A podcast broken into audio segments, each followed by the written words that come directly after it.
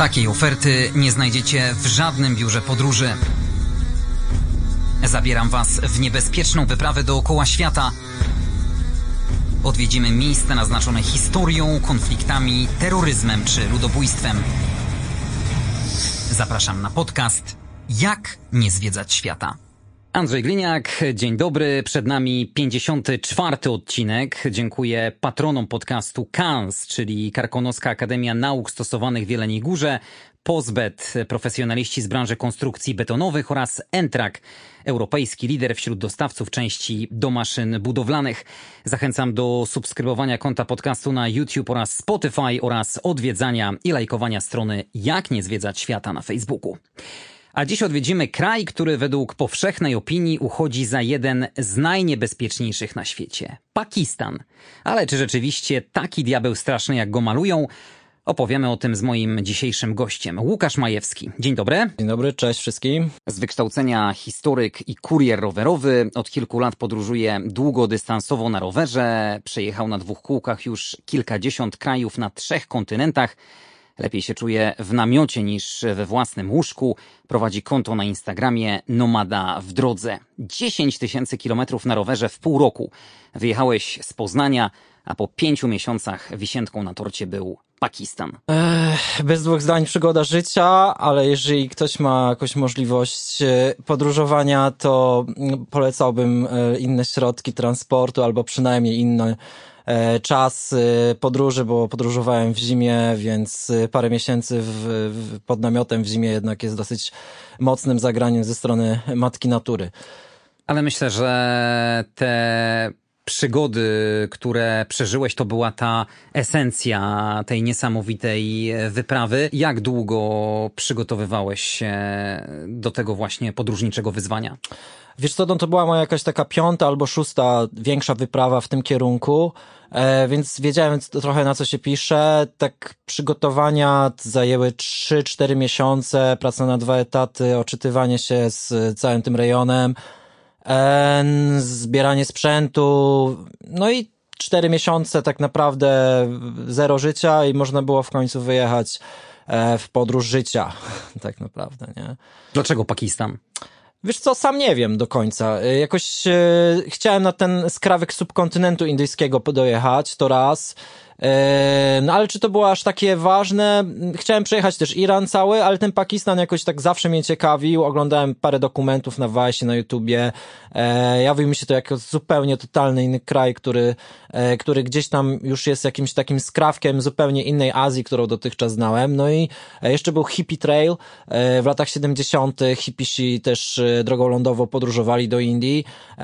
A Karachi, czy Beludżystan, czy prowincja Sindh w Pakistanie wydawała mi się takim naturalnym e, miejscem, do którego mogę dojechać w miarę takich małych pieniądzach i, e, i taka osiągalna. Bardzo się cieszę, że będziemy mogli porozmawiać o Pakistanie, bo ja też odwiedziłem ten kraj i uważam, że to bez wątpienia jak do tej pory moja podróżnicza przygoda życia. Myślę, że będziemy mogli spiąć klamrą cały ten ogromny kraj, bo byliśmy w dwóch różnych częściach Pakistanu. Ja odwiedziłem północno-wschodnie rejony, czyli Islamabad, Abbottabad, Peshawar, Lahore czy Rawalpindi. Powiedzmy może na początek o kwestiach organizacyjnych. Żeby w ogóle wjechać do Pakistanu, potrzebna jest wiza. Dokładnie tak. E, niezbędna jest wiza. Wizę można załatwić sobie już online e, przez stronę właśnie pakistańską stronę e, wizową. Potrzebne jest czasami zaproszenie. Czasami wystarczy rezerwacja z booking.com. E, czy z jakichś innych po prostu portali takich hotelowych.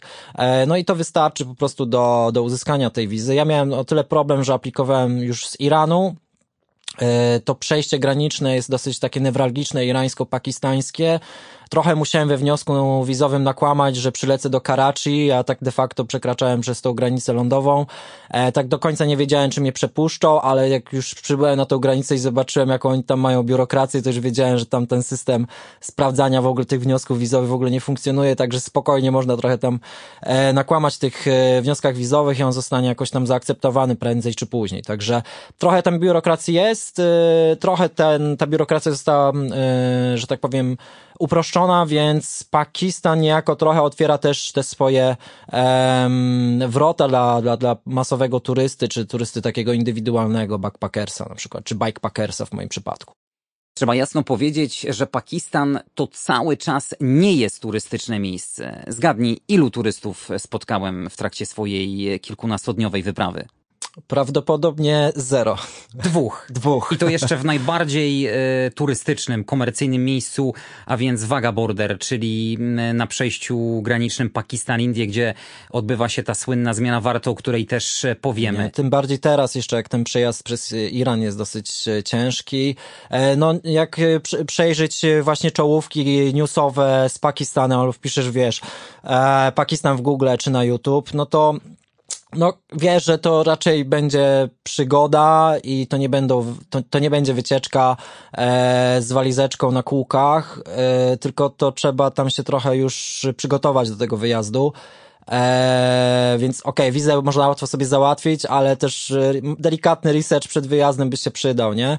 Em, Ale ale nie wiem, czy się ze mną zgodzisz, bo tak naprawdę przeciętnemu Kowalskiemu e, słowo Pakistan kojarzy się z terroryzmem, z talibami, ewentualnie z pięknymi górami i z biedą. i z biedą. E, no tak, to tak właśnie jest. I w pewien sposób te klisze, którymi jesteśmy trochę karmieni w mediach, no w pewien sposób one się z niczego nie, z czegoś się biorą, prawda? To nie jest tak, że, e, że tego terroryzmu nie ma, ale to też z drugiej strony e, ci terroryści nie czekają na ciebie z, za każdego rogu, po prostu ktoś chce cię porwać, e, z kałasznikowem siedzi, wiesz, e, talib, e, jakiś pakistański pasztun, e, który chce cię porwać po prostu do pick-upa i dokonać egzekucji. To też tak nie wygląda. Um, trzeba po prostu znaleźć jakiś balans między tymi newsami, między tym, co się dzieje w kraju aktualnie, e, wziąć poprawkę na to, że sytuacja często jest niestabilna i no, z- zakasać rękawy i, e, i trochę ten Pakistan też e, odczarować, no bo to też nie jest takie miejsce, gdzie no, ci ludzie prości, ludzie, którzy tam żyją, są bardzo, bardzo przyjaźni, bardzo otwarci, bardzo gościnni. Eee, no ja po prostu będąc w Pakistanie, jak wchodząc, nie wiem, do, przykładowo do restauracji, chciałem na przykład, nie wiem, e, zapłacić. Nagle się okazuje, że, e, że, że, że już rachunki są zapłacone, ktoś za mnie zapłacił. Wielokrotnie ktoś chciał sobie robić ze, mnie, ze mną selfie, się pytał, czy jestem jakimś youtuberem, nie? E, także no, no Pakistańczycy są niezwykle, niezwykle otwarci na tych i też chcą trochę odczarować ten swój czarny PR, który, e, który jest dostępny i który tak jakoś, że tak powiem, wisi trochę nad nimi, nie? No rzeczywiście, jeśli mamy parcie na szkło i chcemy poczuć odrobinę sławy, to warto wybrać się do Pakistanu. Gdziekolwiek nie byliśmy, czuliśmy się jak celebryci. Dokładnie. Podchodzili do nas ludzie, robili zdjęcia, potem nas szukali na Facebooku albo Tak, na Instagramie tak, tak. i zapraszali do znajomych. Tak, klasyka, klasyka. Już wiesz, no, gdybyś został rok w Pakistanie, podejrzewam, żebyś miał więcej znajomych, wiesz, Pakistańczyków niż Polaków już byś miał taką serię kontaktów, że spokojnie mógłbyś otwierać biznes i stać się albo gwiazdą Bollywoodu, albo nie wiem, e, jakąś popsę tam też robić, nie? No naprawdę, no jest, jest duży, duży, duży, że tak powiem, e, nie wiem czy szacunek, ale może bardziej tak e, ciekawi są ci ludzie najczęściej właśnie tych Europejczyków. Kim oni są, jacy są i czy oni są tacy jak z tych filmów Netflixa czy z YouTube'a, nie? Tym bardziej, że mamy zupełnie inną skórę. My, Europejczycy, odcień niż, niż oni. Y, U nas y, z reguły chcemy się opalać, być y, Tak. bardziej brązowi, natomiast oni dotykając nas mówili, że mamy cudowną, bladą twarz i też by chcieli być tacy jak my. Tak, tak, dokładnie. Jeszcze, ale na przykład oczy, wiesz, są takie na przykład doliny w, w północy Pakistanie, w północnym Pakistanie, gdzie żyją jakieś mniejszości etniczne, gdzie są ludzie tylko i wyłącznie o niebieskich oczach i też mają swój własny odrębny język, to niekoniecznie jest jakiś tam urdu czy coś, tylko, e, tylko mają też właśnie tak, po prostu Pakistan jest jedną wielką mi- mieszanką etniczną, nie? Że naprawdę ci ludzie są bardzo mocno zróżnicowani wewnątrz tego kraju. To jest, to jest konglomerat, y, taka trochę Unia Europejska można porównać trochę, nie? Taka łyżka dziegciu w tej beczce miodu o wszechobecnej sympatii ze strony Pakistańczyków. Jedna nieprzyjemna sytuacja na granicy pakistańsko-indyjskiej. Podeszła do mnie grupa młodych dziewczyn i chciała sobie zrobić wspólne zdjęcie. Nagle usłyszałem krzyki. To była bardzo stanowcza reakcja żołnierza pakistańskiego, który po angielsku dał mi do zrozumienia, że nie mam prawa robić sobie fotek z jego rodaczkami. No i na nic zdały się moje tłumaczenia, że to nie ja poprosiłem o zdjęcie. Na szczęście wszystko rozeszło się po kościach. Okej, to, to te dziewczyny dosyć, dosyć liberalne też musiały być, nie? No bo no, jednak ta segregacja płciowa, no, je, czyli Pakistan, na, to też zależy od regionu. No, każdy rejon, region ma jakoś tam swoją e, charakterystykę. E, W dużych miastach to trochę inaczej wygląda, ale ta segregacja płciowa jest. Także jeżeli one podeszły do ciebie, to, e, to było dosyć odważne. Raczej rzadko się tak spotyka, przynajmniej z własnego doświadczenia miałem mało takich sytuacji. W Karachi jak najbardziej, poza Karachi raczej nie. Mówiliśmy na wstępie o tym, że Pakistańczycy to jedni e, z najmilszych ludzi. Taka jest również moja opinia, ale jednak ten stereotyp, że jest to państwo terrorystyczne, no nie bierze się e, znikąd. E, Jakie wrażenie e, pierwsze zrobił na tobie Pakistan? Pytam, bo dla mnie w momencie mm, e, przylotu wysiedliśmy na lotnisku w Islamabadzie i od razu żołnierze z karabinami, pełno checkpointów, pełno wozów pancernych. Czuć było w powietrzu, że, że coś jest nie tak. Tak, tak. No Pakistan generalnie to jest, e, też sami Pakistańczycy mają takie wrażenie, że Pakistan stoi po prostu armią, nie? W sensie, że ta armia to jest tak e, trochę grupa rządząca w, w samym Pakistanie, e, bardzo mocno dotowana z budżetu. E, no ja też jak wjechałem z kolei z irańskiej strony, też e, z deszczu, z deszczu pod Rynnę, E, no to, to wiesz, to od razu zostałem przejęty przez panów takich tradycyjnych y, ubiorach szalwor kamis y, czarnych. Y, To są ubiory, właśnie mundury e, takich milicji. e, Oni się nazywają Levis, beludżyjskiej milicji, która generalnie stanowi niejako prawo na tych rejonach w tym zachodnim Pakistanie przez, przez, to, przez tą prowincję, przez którą przejeżdżałem. E, I absolutnie wiesz, no byłem pod ich czujnym okiem i, i no nie mogłem zrobić żadnego kroku, nie mogłem wyjść poza jakiś tam tą border control e, bez ich e, wiedzy. E, To było takie przejście naprawdę, z trochę z, sam Iran też nie ma za dobrej prasy, ale wiesz, przejście z Iranu do Pakistanu, gdzie, e, no, gdzie byłem cały czas obstawiony, wiesz, tymi żołnierzami, no to, e, czy, czy właśnie tymi lewisami, czyli tą policją, mm, no to było takie dosyć doświadczenie, dosyć ciężkie, może nie ciężkie, ale em, no nie wiedziałem, co się dzieje, nie? W sensie trochę musiałem się zaadaptować do tej sytuacji, że, że ta moja wolność takiego poruszania się swobodnego została dosyć mocno ograniczona i, e, no i, i tej broni w ogóle na ulicach, e, e, żołnierzy w Beludżystanie tym bardziej, to, to, to jest całkiem sporo, nie? Byliśmy choćby w takim ichniejszym McDonaldzie, czyli e, barze fast foodzie i tam e, stał e, ochroniarz z długą bronią. Tak, tak, w Karachi miałem desemka, nie? W Karachi, wiesz, e, po czterech miesiącach pojechałem sobie stary do McDonalda e, i przed McDonaldem bramki, e, dwóch ochroniarzy z shotgunami i wiesz, no ja zostałem oczywiście prześwietlony, tam później wiesz, bardzo proszę ser, może pan sobie wejść, później też może pan sobie wyjść, rower zostawiłem pod makiem, e, no i to było takie, Wow, czyli w sumie te wszystkie zachodnie takie koncerniaki też są trochę na, tak na moje, też mogą być na, na, że tak powiem, no, wysadzenie się pod McDonaldem w, w Karachi to jest taki chyba punkt honoru takiego niejednego tariba na moje, nie? A ja jeszcze pokusiłem się o wspólne zdjęcie z panem ochroniarzem, nawet dał mi do podtrzymania kałasznikowa i mogłem to wszystko uwiecznić na zdjęciu. No tak, tak. Był tam- niesamowicie zadowolony, przynajmniej jakaś rozrywka. No ale wiesz, e, no, no, ta broń jest powszechna. Ta broń jest naprawdę powszechna. Mamy bardzo, wiesz, byliśmy w dwóch różnych e, miejscach w Pakistanie. Pakistan sam bardzo się różni, wiesz, ta północ od południa, ale e, pewne zasady są takie same. Dużo broni. E, ta broń często, wydaje mi się, że też ci ludzie nie do końca wiedzą, jak strzelać. E, ci ochroniarze też często, wiesz, przed jakimiś butikami, naprawdę takimi Podjeżdżamy z osobą, która opiekowała się nami w Pakistanie, o której też zaraz powiem, na stację benzynową, a tam dziadek stał jako ochroniarz z bronią. To jest niesamowite. Ja Miałem dosłownie te same same, te same, wiesz, klisze, nie? E, zapamiętałem właśnie Karachi przede wszystkim z tego. E, I w ogóle też taki fun fact, nie? Pa Pakistan jest e, potęgą nuklearną, ma, ma ponad 100 głowic nuklearnych, a prawie, że 50% Pakistańczyków nie umie czytać i pisać. I to, to, to jest w ogóle po prostu państwo trochę takie, no nie z tego pełne świata. kontrastów. Pełne kontrastów, absolutnie pełne kontrastów. Niepisaną zasadą w Pakistanie, przynajmniej ja się z tym spotkałem, jest to, że turysta nie może poruszać się bez pozwoleń ze strony rządu, wojska, policji. W momencie, kiedy wylądowaliśmy w Islamabadzie, e, czekał na nas Pakistańczyk o imieniu e, Sikandar i on nam, e, on był jako nasz przewodnik, ochroniarz, tłumacz, jeździł z nami przez te kilkanaście dni po całym Pakistanie i nie mieliśmy żadnych problemów, mhm. żeby poruszać się po całym kraju. Wręcz nawet jego koneksje z wojskiem spowodowały, że mogliśmy wejść do wielu miejsc, gdzie nawet niektórzy Pakistańczycy mają zamknięte drzwi.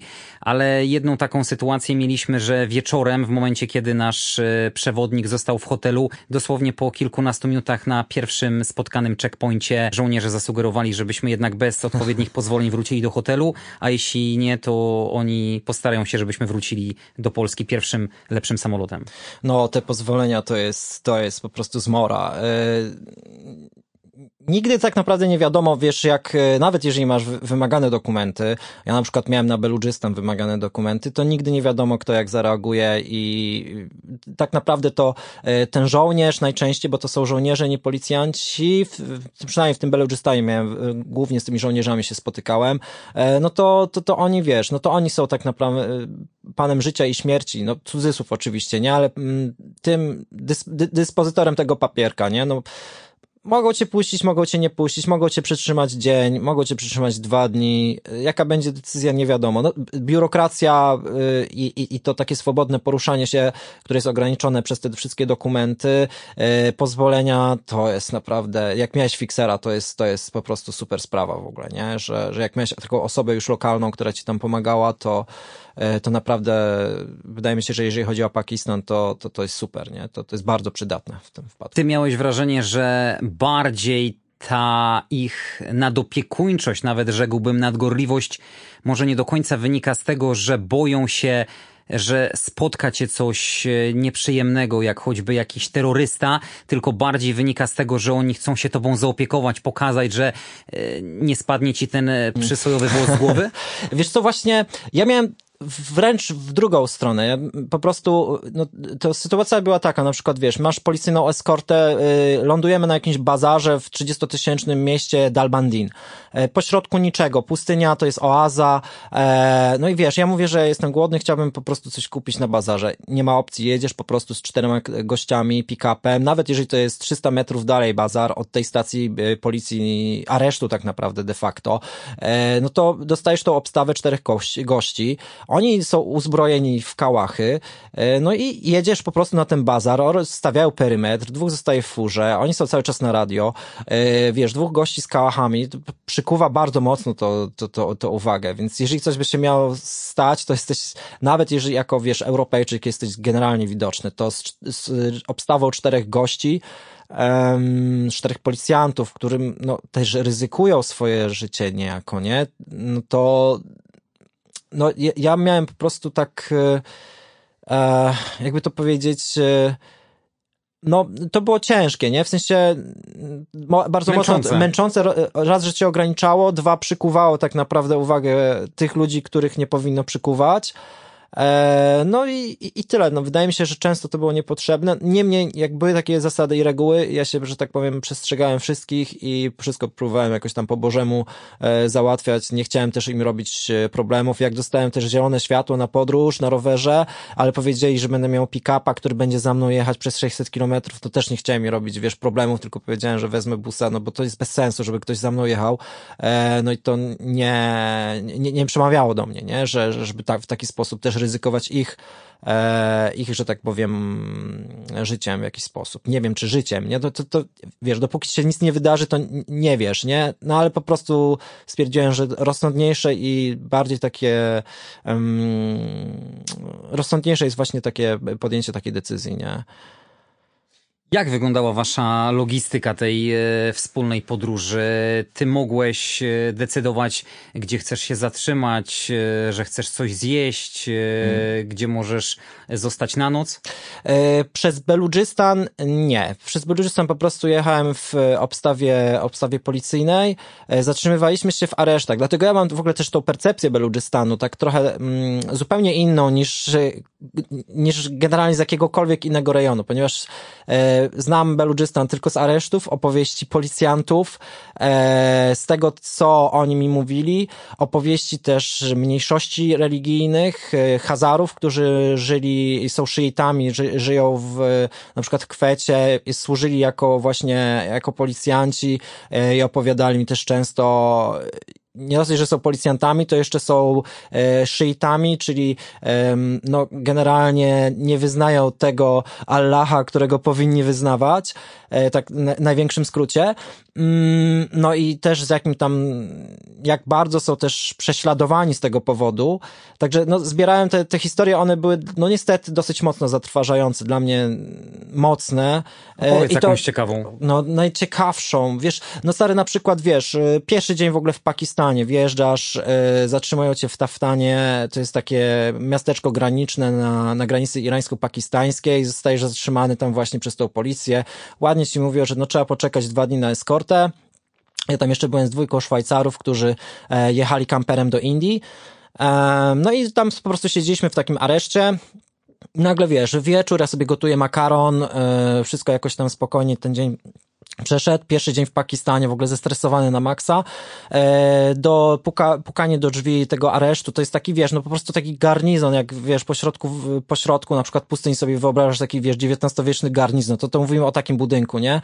E, na podwórze wchodzi właśnie dzieciak z telefonem, z całym klanem, po prostu, wiesz, e, ojcem, wujami, wiesz, z telefonem pokazuje filmik jakiemuś, jakiemuś właśnie policjantowi, zaraz przychodzi naczelnik, z Toyoty w ogóle, która tam stała w środku, wyciągany jest akumulator, bo oczywiście jest problem z prądem, no bo e, są naprawdę bardzo ciężkie warunki e, te właśnie takie bytowe w, w Beludżystanie. Wyciągają akumulator i odpalany jest prąd, żeby w ogóle oświetlić i spisać zeznania dla te, tego chłopca z telefonem. Zaraz przechodzi po prostu facet z, z oskarżonym, no i zostaje wymierzona mu kara od razu na miejscu miejscu, nie? Zostaje, zostaje tam, no, pobity po prostu przez tych policjantów i, i zatrzymany w więzieniu. E, no i wiesz, to był pierwszy dzień na przykład w Pakistanie mój. I e, no to było, wiesz, no dla mnie to, to, to był szok. To, to, to nie, nie, byłem w ogóle przygotowany na coś takiego, no to takie, i, i niestety czy stety, no po prostu tak, taką mam percepcję tego rejonu, że ten, e, e, że jest generalnie dosyć biednie. Ta, no te, te, te, te, to państwa tam po prostu jako tako nie funkcjonują w ogóle. E, nic nie dają tym ludziom, którzy żyją tam na miejscu. W Beludżystanie żyją Beludżowie, to jest taka, e, taka grupa etniczna. Um, także um, wiesz, no to, to, to było dla mnie mega szokujące, nie? I i tak wygląda, wyglądało moje zwiedzanie w Pakistanie przez pierwsze parę dni chociażby. W Karachi już było inaczej. W Karachi już mogłem się później, e, czyli tej tak naprawdę największym państw, e, największym mieście, 20-milionowym mieście Pakistanu, mogłem się już poruszać normalnie, mogłem, wiesz, zwiedzać, yy, kobiety chodziły po ulicach. W Beludżystanie, stary, nie zobaczysz samotnej kobiety na ulicach.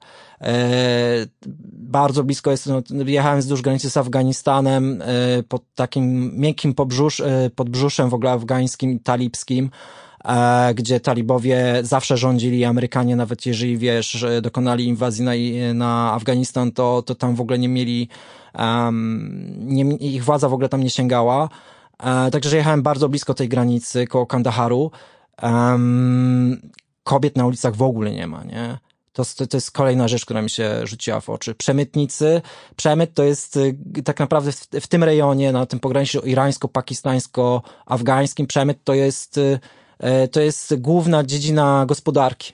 To jest główna dziedzina, wiesz, wszyscy, wszyscy po prostu, um, jak to powiedzieć, handlują ropą z Iranu do Pakistanu i w drugą stronę opium i heroina leci pick-upami przez pustynię i nikt się z tym nie kryje, nie? Także no, ten rejon po prostu to, jest, to są państwa fantomowe w tym, w tym rejonie. Wspominałeś talibów. Oni przed ponownym dojściem do władzy w Afganistanie traktowali Pakistan jako kraj, gdzie mogli się schronić i rozbudować swoją terrorystyczną siatkę.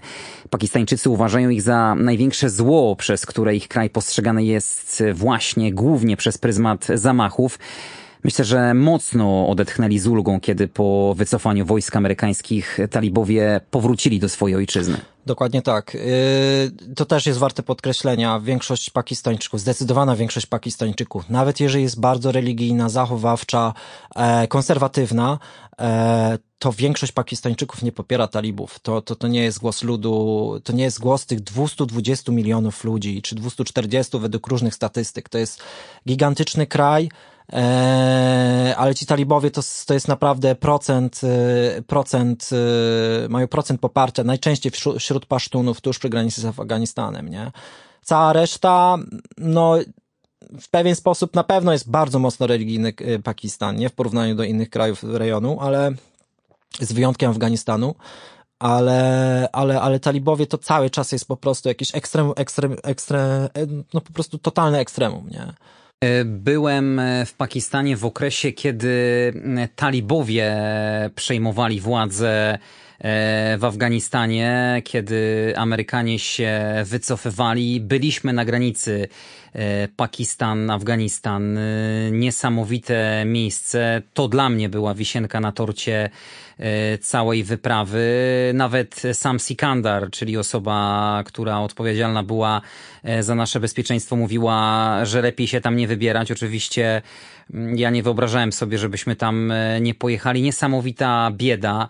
Ci ludzie koczują tam na, na kocach, ale co mi też utkwiło w pamięci, bo rozmawialiśmy z wieloma Afganistańczykami, to mówili, że tak naprawdę z jednej strony cieszą się, mm, że ci talibowie wracają ze względu na ich religię, zasady, wartości i przede wszystkim bezpieczeństwo, bo tak naprawdę Amerykanie no, byli najeźdźcami. No to były obce wojska, obcy ludzie, którzy rządzili ich krajem i przez to analogicznie wiadomo było więcej zamachów. Natomiast yy, to, że wrócili talibowie w pewien sposób, jakkolwiek to brzmi, może bardziej normalizuje yy, troszeczkę tą sytuację w Afganistanie.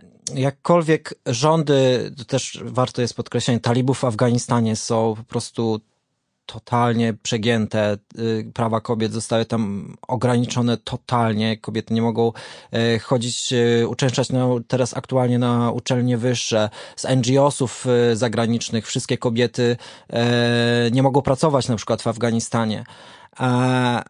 Z drugiej strony mamy też tą bardzo surową, religijną władzę, która w pewien sposób zatrzymała tą spiralę śmierci, wojny wewnętrznej i konfliktów. E, mi jest ciężko to jakoś ocenić, nie? W sensie też spotykałem Afgańczyków, e, wielu Afgańczyków w Iranie, e, gdzie no to jest główne ich e, miejsce, gdzie zarobkowania na chwilę obecną dla Afgańczyków. I duża część tych Afgańczyków jakoś nawet jeżeli by nie chciała tych talibów, to w pewien sposób podejrzewam, że do, dorośnie do tego, że, że jednak nie będzie ich y, supportować. Na chwilę obecną jednak to, te głosy tych, którzy zostali są takie, no niech będą, niech będą, ale no to też jest, no jest tam bardzo mocny dwugłos. To jest, to, na pewno, na pewno wyewoluuje w kolejną wojnę. Jestem w stu procentach pewien, że ci talibowie niedługo się chyba też nie będą cieszyć tą władzą wewnątrz Afganistanu, bo to jest bardzo mocno rozdzierający też kraj.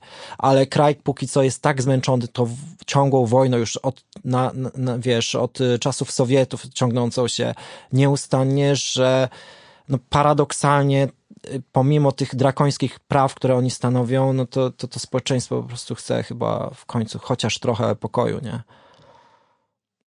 Mam też takie wrażenie, to co powiedziałeś, że oni są też e, zmęczeni tą całą sytuacją e, związaną e, z przestrzeganiem bezpieczeństwa. Za przykład niech choćby posłuży moja wyprawa do Peszawaru, to jest miejsce niedaleko granicy z Afganistanem, uznawane za jedno z najniebezpieczniejszych w Pakistanie. Zresztą nieformalna stolica e, talibów e, Al-Kaidy, tam chyba się nawet narodziła Al-Kaida, jeśli chodzi o Pakistan. Jechaliśmy główną ulicą i w zasadzie co kilkaset metrów zatrzymali, zatrzymywaliśmy się na kontrolę. Mm, e, bramki, checkpointy, cały czas podchodzili żołnierze, sprawdzali. Nawet mieliśmy taką sytuację, że jechaliśmy właśnie z Sikandarem, on był kierowcą, zatrzymało nas wojsko, kazało spuścić szybę, zobaczyło jego za kierownicą i nas e, z tyłu siedzących i zapytało wprost, czy wszystko jest ok, czy ten pan przypadkiem nie chce was porwać, czy to jest wasz opiekun. My pokiwaliśmy głową, że everything is ok i, i puścili nas y, dalej. Y, stanęliśmy na parkingu, wysiadamy, wchodzimy do galerii handlowej i oczywiście detektory, bramki, ochroniarze na wyrywki yy, sprawdzają ludzi, także cały czas jesteś pod, pod pewną presją. No, to jest coś takiego, do czego się trzeba przyzwyczaić, później traktujesz to jak, wiesz, jak bramkę na autostradzie, nie? Tak mi się wydaje, że te, te wszystkie ciągłe kontrole panów z długą bronią, że, że po miesiącu już takiego ciągłych y, kontroli, to już, już wiesz po prostu czym to się je. To jest no, po prostu inny świat, nie? do którego trzeba się jakoś zaadaptować, tak na moje. O ile odbieram Pakistańczyków e, jako jednych z najmniejszych ludzi na świecie, to nie jestem w stanie powiedzieć e, z pełną odpowiedzialnością, że Pakistan jest e, bezpiecznym państwem. E, nikt tak chyba w sumie nie jest w stanie powiedzieć. No, powiem ci tak, no jest, może być w miarę bezpieczny, jeżeli będziesz się stosować do pewnych reguł, których, których musisz po prostu wiedzieć wcześniej przed przyjazdem. To, to, to jest mniej więcej taki trochę nieoczywisty kraj, E, z bardzo bogatą kulturą i z super ludźmi, ale no, trzeba się Ja nie czułem zagrożenia. To, żebyśmy się zrozumieli, nawet wychodząc wieczorami, idąc e, w te dzielnice choćby slumsów w Lahore, nie miałem wrażenia, że hmm. ktoś na mnie złowrogo patrzy. E, nie, nie, nie martwiłem się przestępczością pospolitą, ale chodziło mi o to, że skądś te statystyki tak. tych zamachów się biorą. Nie znasz dnia tak naprawdę ani godziny. Musisz mieć oczy i uszy szeroko otwarte, bo możesz być w jednym miejscu 99 e, razy, a za setnym razem e, jeden z tych jednego procenta ekstremistów podłoży ładunek e, i, i będzie wielkie boom. Tak, tak, trzeba po prostu być no, uważnym. No. Więcej w tym, w tym temacie tak naprawdę się nie da. No to nie jest Polska na pewno, nie? Ale może być też fajnie w tym Pakistanie. Trzeba być uważnym i i tyle. No co można zobaczyć w tym Pakistanie? Bo e, można z jednej strony, widzisz, taki paradoks, zobaczyć dużo, o czym zaraz powiesz, a z drugiej strony miejsc typowo turystycznych praktycznie nie ma, można ich y, policzyć na palcach jednej ręki. A tutaj się też mogę trochę nie zgodzić, wiesz, na przykład Lahore, masz y, przepiękny meczet w Lahore, y, jeden z największych chyba na świecie. Karachi dla mnie na przykład, to też zależy kto, kto co lubi, ja na przykład dla mnie, dla mnie Karachi to, to, to było miasto totalnie z innej planety, których standardy europejskie w ogóle nie obowiązują. E, jazda jeszcze na rowerze po Karachi to, to, to było coś wspaniałego, wspaniałe do doświadczenie. 20 milionów mieszkańców stłoczonych po prostu w ogromne zagęszczenie ludności. Miasto, które tak naprawdę nigdy nie zasypia e, biurowce, które wystrzeliwują na 100 metrów wzwyż i od razu slumsy e, które, które są jakieś tam 3 kilometry dalej. No, atomizacja społeczeństwa może nie, ale bardziej taki ogromny podział na klasy społeczne i, i te dobre dzielnice, złe dzielnice, jak to było, te kontrasty, e, jedzenie, um, wiesz, e, na północy masz przecież, ja nie pojechałem tam, ale Karakorum Highway, e, jedną z najwyżej położonych, wyasfaltowanych dróg na świecie, wchodzącą na 4,5 tysiąca metrów na granicę z Chinami, wspaniałe ośmiotysięczniki, no w Pakistanie na pewno nie da się nudzić, nie? Zważywszy na to, że jesteś cały czas gwiazdą Bollywoodu i wszyscy Pakistańczycy codziennie przynajmniej z 5-6 razy selfiaka jeszcze strzelisz i, i cały czas jesteś pod grą, ze wszystkimi rozmawiasz dookoła. Naprawdę oni są na tyle otwarci, że to też powoduje, że nawet jeżeli, wiesz, może nie, nie znasz jakiegoś tam historycznego czy kulturowego kontekstu, ale możesz bardzo takiej bezpośredniej interakcji z ludźmi, którzy sami chcą z tego kontaktu z tobą się bardzo dużo wniosków i bardzo dużo się dowiedzieć, nie? Więc no, to było wspaniałe doświadczenie, nie? Tam. Najbardziej komercyjne miejsce, które ja odwiedziłem, e, to jest to przejście graniczne, o którym wspominaliśmy, Pakistan, Indie, hmm. Waga Border. I tutaj też e, ciekawa sprawa, zajadli wrogowie, mm, e, którzy cały czas formalnie toczą między sobą wojnę. Mm, pojechaliśmy z Islamabadu do Waga Border, zresztą po raz kolejny mnóstwo checkpointów, e, sprawdzanie e, podwozia samochodów, czy przypadkiem nie ma żadnych ładunków wybuchowych. My musieliśmy wychodzić z auta przeszukania, tym bardziej, że kilka lat temu był tam wielki zamach bombowy. Jeden z ekstremistów chciał e, wysadzić to miejsce. Przyjeżdżamy, tam słynna zmiana warty, która odbywa się codziennie. Mm, my byliśmy oczywiście po stronie pakistańskiej. E, stadion, na którym odbywa się ta zmiana warty. E, siedzą ludzie, w większości Pakistańczycy, o ile nie wszyscy z Pakistanu. My byliśmy plus e, dwóch turystów, tych jedynych, o których wspominałem, zagranicznych, co spotkałem i masz wrażenie, jakbyś był na meczu NBA. Jest specjalny wodzirej, animator, e, który jakby gestykuluje rękami do ludzi, e, powoduje, że oni śpiewają jakieś patriotyczne, buńczuczne pieśni zagrzewające tych Pakistan żołnierzy. Zindabad. Tak, że Pakistan jest najlepszy, że jesteśmy potęgą. I z jednej strony musi być powaga, ta zmiana warty, z jednej strony pakistańscy żołnierze, z drugiej e, Hindusi, czyli, czyli e, wojskowi z Indii. Natomiast troszeczkę to jest takie groteskowe, bo te ich kroki, e, ten ich marsz jest dość śmieszny. Mm, oni puszą się jak pawie, pokazują swoją potęgę, ale są ludzie, którzy sprzedają popcorn, Coca-Colę, więc takie show, bezpłatne oczywiście, to też warto naszym słuchaczom powiedzieć, że tam nie musisz płacić za to. To trwa od godziny do, do półtora i potem ciekawe jest to, że otwiera się brama, e, która rozdziela te dwa nienawidzące się kraje. Żołnierze podchodzą do siebie, przytulają się, zbijają piątki, najlepsi przyjaciele, a w świat idzie opinia, że to są wielcy wrogowie, nienawidzą się. Tak, tak. Raczej kolejny paradoks, wiesz, no bo y, cały czas ten konflikt o Kaszmir y, między Pakistanem a Indiami jest bardzo mocno zaokniony. Cały czas y, zdarzają się jakieś incydenty na granicy pakistańsko-indyjskiej.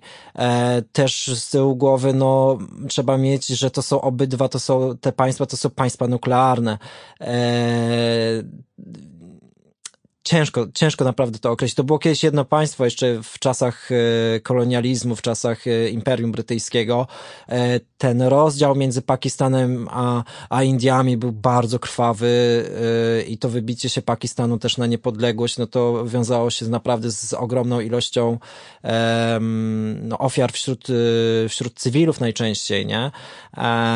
No i, ale też z drugiej strony, tak jak mówisz, oni sobie podają te, na tej granicy rękę, jak rozmawiałem z Pakistańczykami właśnie też w Karachi e, odnośnie, jak, jak, jak się czuło w ogóle, jeżeli chodzi o Indię, no to mówią, że w sumie to już tak nie za bardzo, no to już, już trochę wyblakło, nie? Te, te historie ich dziadków, którzy E, wiesz, no tych e, migrantów, czy bardziej uchodźców e, z Indii, którzy nie chcieli być muzułmanami w Indiach i tych Hindusów, którzy nie chcieli być Hindusami w pakistańskiej większości, no to te historie to już, to są historie ich dziadków. Oni często nie mają jakichś no, hinduskich znajomych, ale też jakoś nie odczuwają jakiejś wielkiej nienawiści. Oczywiście znajdą się jastrzębie, ale tak z rozmów wynikało, że ten konflikt już jest jakby trochę zapomniany, jakby ten Kaszmir cały czas gdzieś tam jest, ale ludzie bardziej się zastanawiają nad tym, w Pakistanie jest ogromna inflacja, kryzys gospodarczy, co, co do garnka włożyć, niż czy Kaszmir będzie, wiesz, pakistański czy,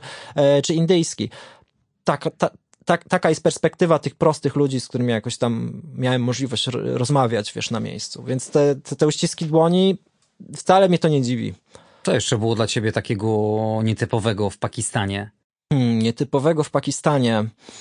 Tuktuki, stary, pierwszy raz w życiu widziałem tuktuki. To, to jest, e, w ogóle wiesz, no Iran, wjeżdżasz z Iranu, wyjeżdżasz z Iranu, to jest cały czas Bliski Wschód.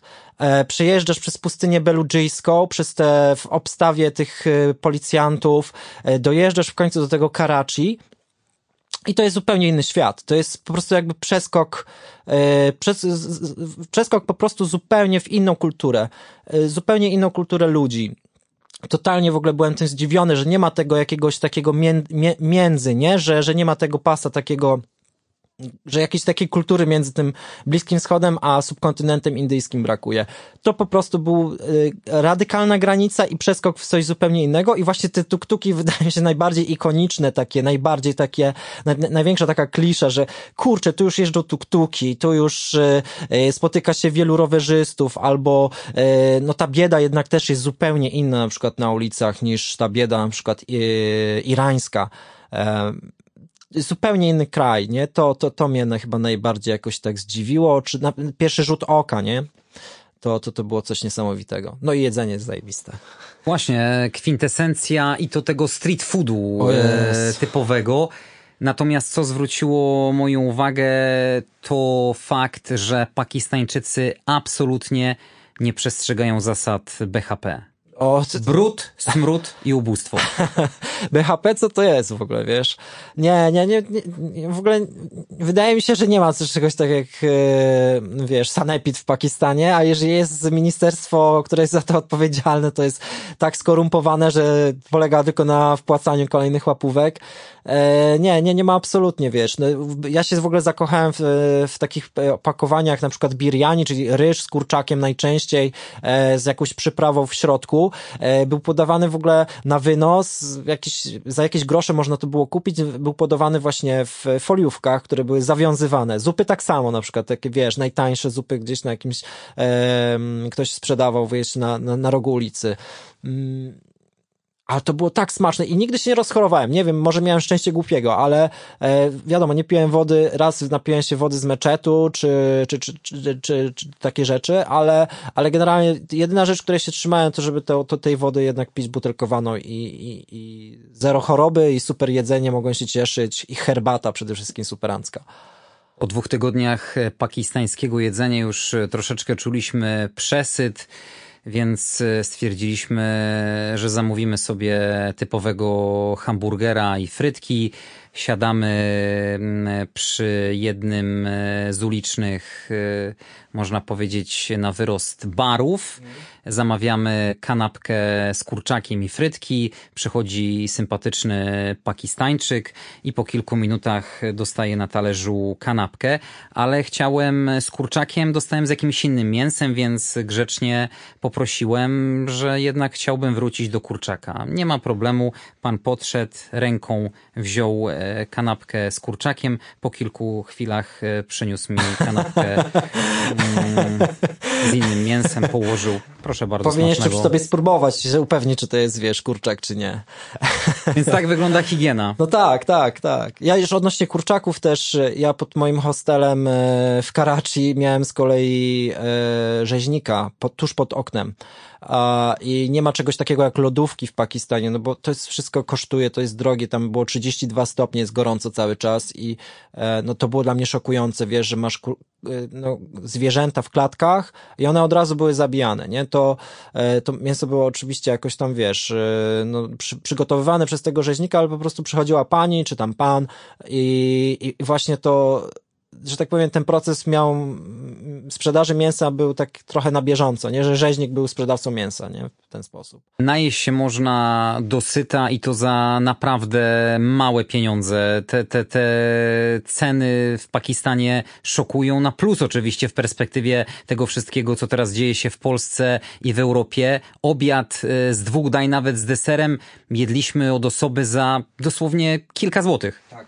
tak, tak. Tak, tak. To jest naprawdę dla, ale to też jest taka sytuacja, że dla nas to jest, e, dla nas to jest, e, no to jest kilka złotych dla takiego przeciętnego Pakistańczyka, gdzie średnia płaca to jest 100 dolarów na przykład, nie? 110 dolarów e, na miesiąc, jest ogromna inflacja, to, to, to ten oni, na, dla nich to jest bardzo duży, duży wydatek taki dzienny, więc y, najczęściej klasa średnia je właśnie takie rzeczy za kilka złotych. To, to jest dla nas nie, trochę nie do pomyślenia, że dwudaniowy obiad można za 10 złotych dostać, a, a to jest posiłek klasy średniej, która sobie na to pozwala od czasu do czasu jeszcze, nie? Więc y, no kraj kontrastów niestety. Które miejsce w Pakistanie zrobiło na tobie największe wrażenie? E, no, Karachi dla mnie było takim e, miejscem, do którego zawsze chciałem dojechać. No, wyjechałem z Poznania, mając e, przed, przed oczyma Karachi. No, tak jak wcześniej mówiłem, oglądałem na YouTubie filmiki, takie mm, filmy, filmy dokumentalne o, o Karachi. no i to miasto to jest pra, prawdziwe miasto, nie? Żyję w Poznaniu, to, to, to Poznań jest naprawdę pryszczem przy tym. To jest zaledwie pół miliona mieszkańców, wszystko jest tak dosyć ułożone, mimo że wydaje mi się, że mega chaotyczne. Eee, czuję, że mógłbym żyć w Karachi przez rok, tylko przez rok, żeby się jakoś zaadaptować i być takim Pakistańczykiem trochę przeszywanym i e, przesiąknąć trochę tą kulturą.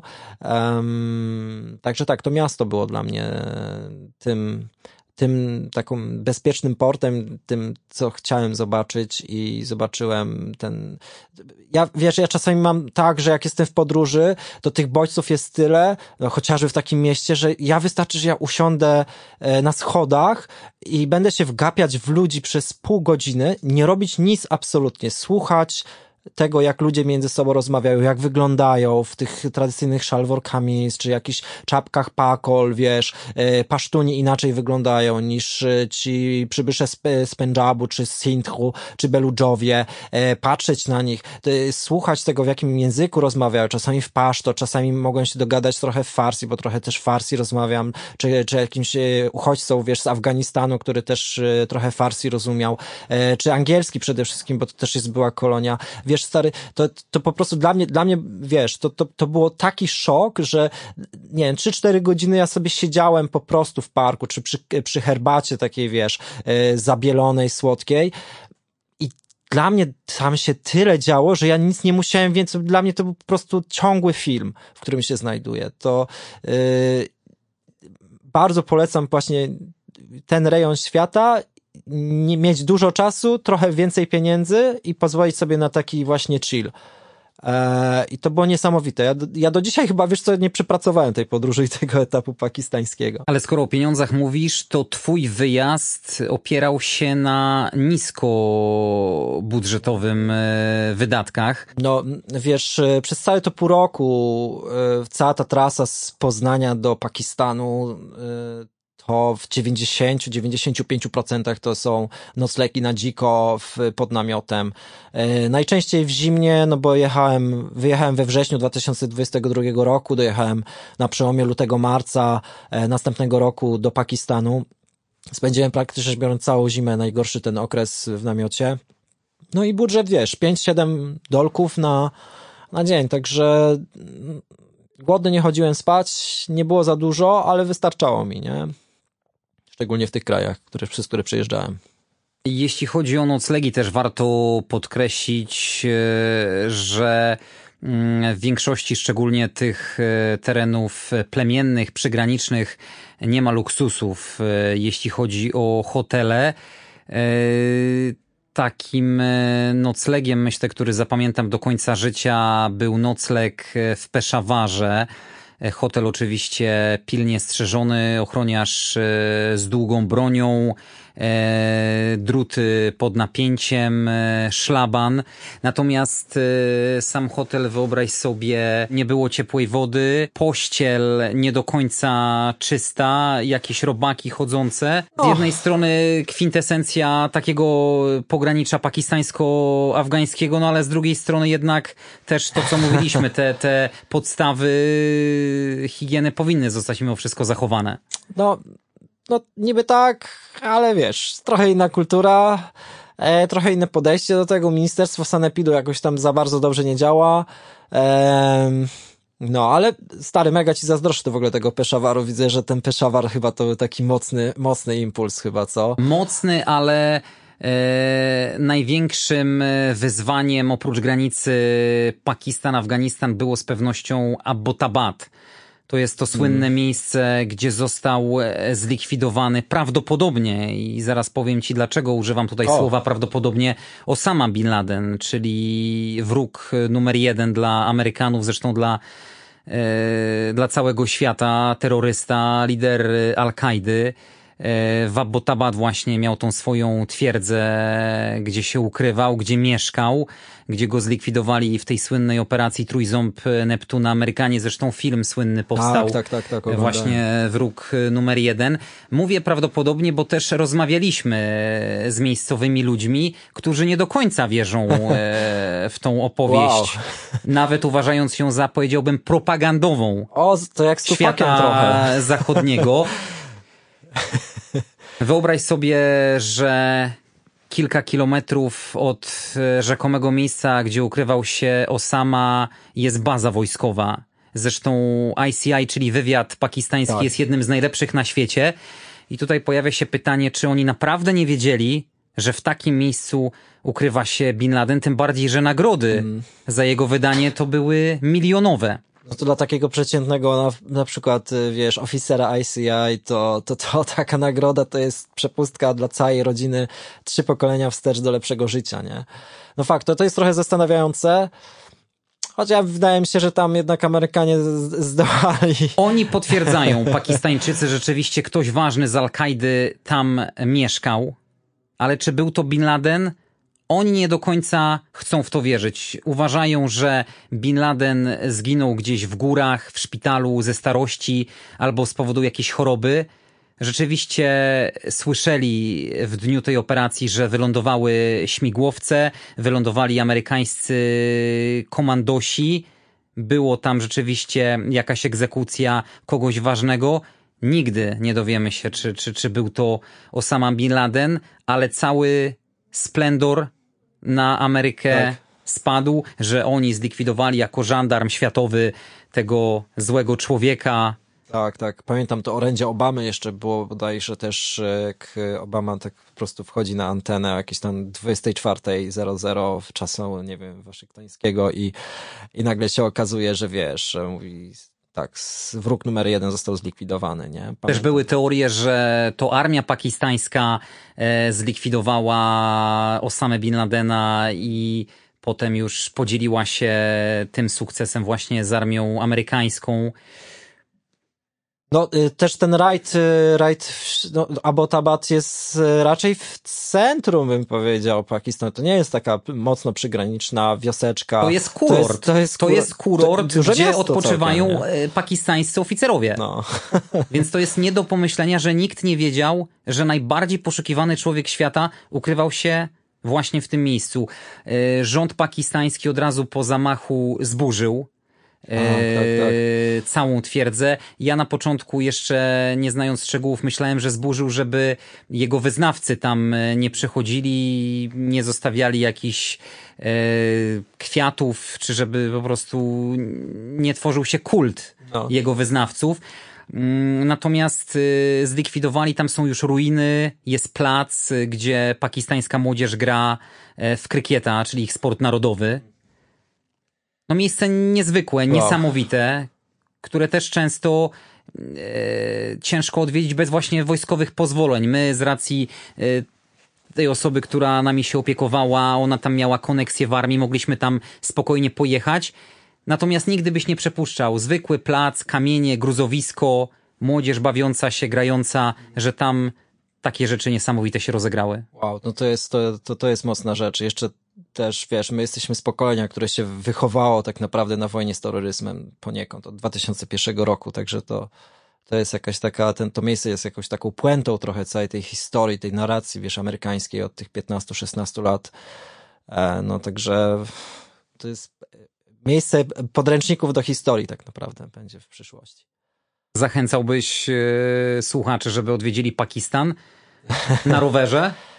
Na rowerze nie pojeździcie sobie za dużo po Pakistanie, ale tak zachęcam jak najbardziej dla tych, którzy trochę już się znają na rejonie i, i, i się zastanawiają, czy warto jechać do Pakistanu. Tak, y, warto, trzeba uważać, ale nie bać się. Trzeba po prostu się dobrze przygotować do tej podróży i, em, i robić swoje, pojechać naj, najlepiej gdzieś jakoś północ w góry, e, które są wspaniałe, e, czy na południe do Karachi, do świata totalnie innego, którym, którym, którym my żyjemy. Jakąś pamiątkę sobie przewiozłeś? Wiesz co, ja zbieram pieniądze z, z, każdej, e, z, każdej, z każdego tripa i mam dużo pakistańskich rupi z Jinnahem, czy, czy tym, e, tym pierwszym prezydentem e, niepodległego Pakistachu, Pakistanu, także mam trochę tych Będąc rupi. w Pakistanie, pierwszy raz poczułem się jak milioner, miliarder Tak, nawet, a wiesz do tak, czego piję. Tak, tak, dokładnie, dokładnie. No. Bo tak naprawdę mając y, nawet y, kilkadziesiąt tysięcy rupi w Polsce kupiłbyś może No, chleb i mleko. chlebuś, no. Tamte nominały rzeczywiście są imponujące, ale tak naprawdę nie mają żadnej wartości. Tak, tak, tak. E, No, ko- kolejny, kolejna waluta, której już nie ma tych monet. Są tylko już coraz to większe nominały, coraz to większe i będą pewnie skracane w przyszłości. Dziękuję Ci bardzo za wizytę. Powiedz, gdzie możemy zobaczyć zdjęcia z Twojej podróży, gdzie możemy jeszcze więcej szczegółów poznać z Twojej całej wyprawy, od Poznania po, po Pakistan właśnie. To jak jesteście zainteresowani, oczywiście wszystkich zapraszam na mój Instagram, Nomada w drodze. Tam znajdziecie właśnie, wszystko jest aktualizowane. Tam też będą kolejne nowe rowerowe projekty, o których się dowiecie. E, I co? Do zobaczenia pewnie gdzieś w drodze czy na Instagramie.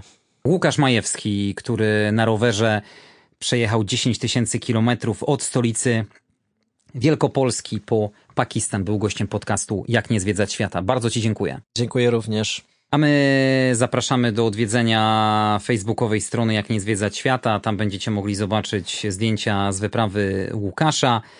My słyszymy się tradycyjnie za tydzień w kolejnym odcinku podcastu. Wszystkiego dobrego. Andrzej Gliniak. Pozdrawiam.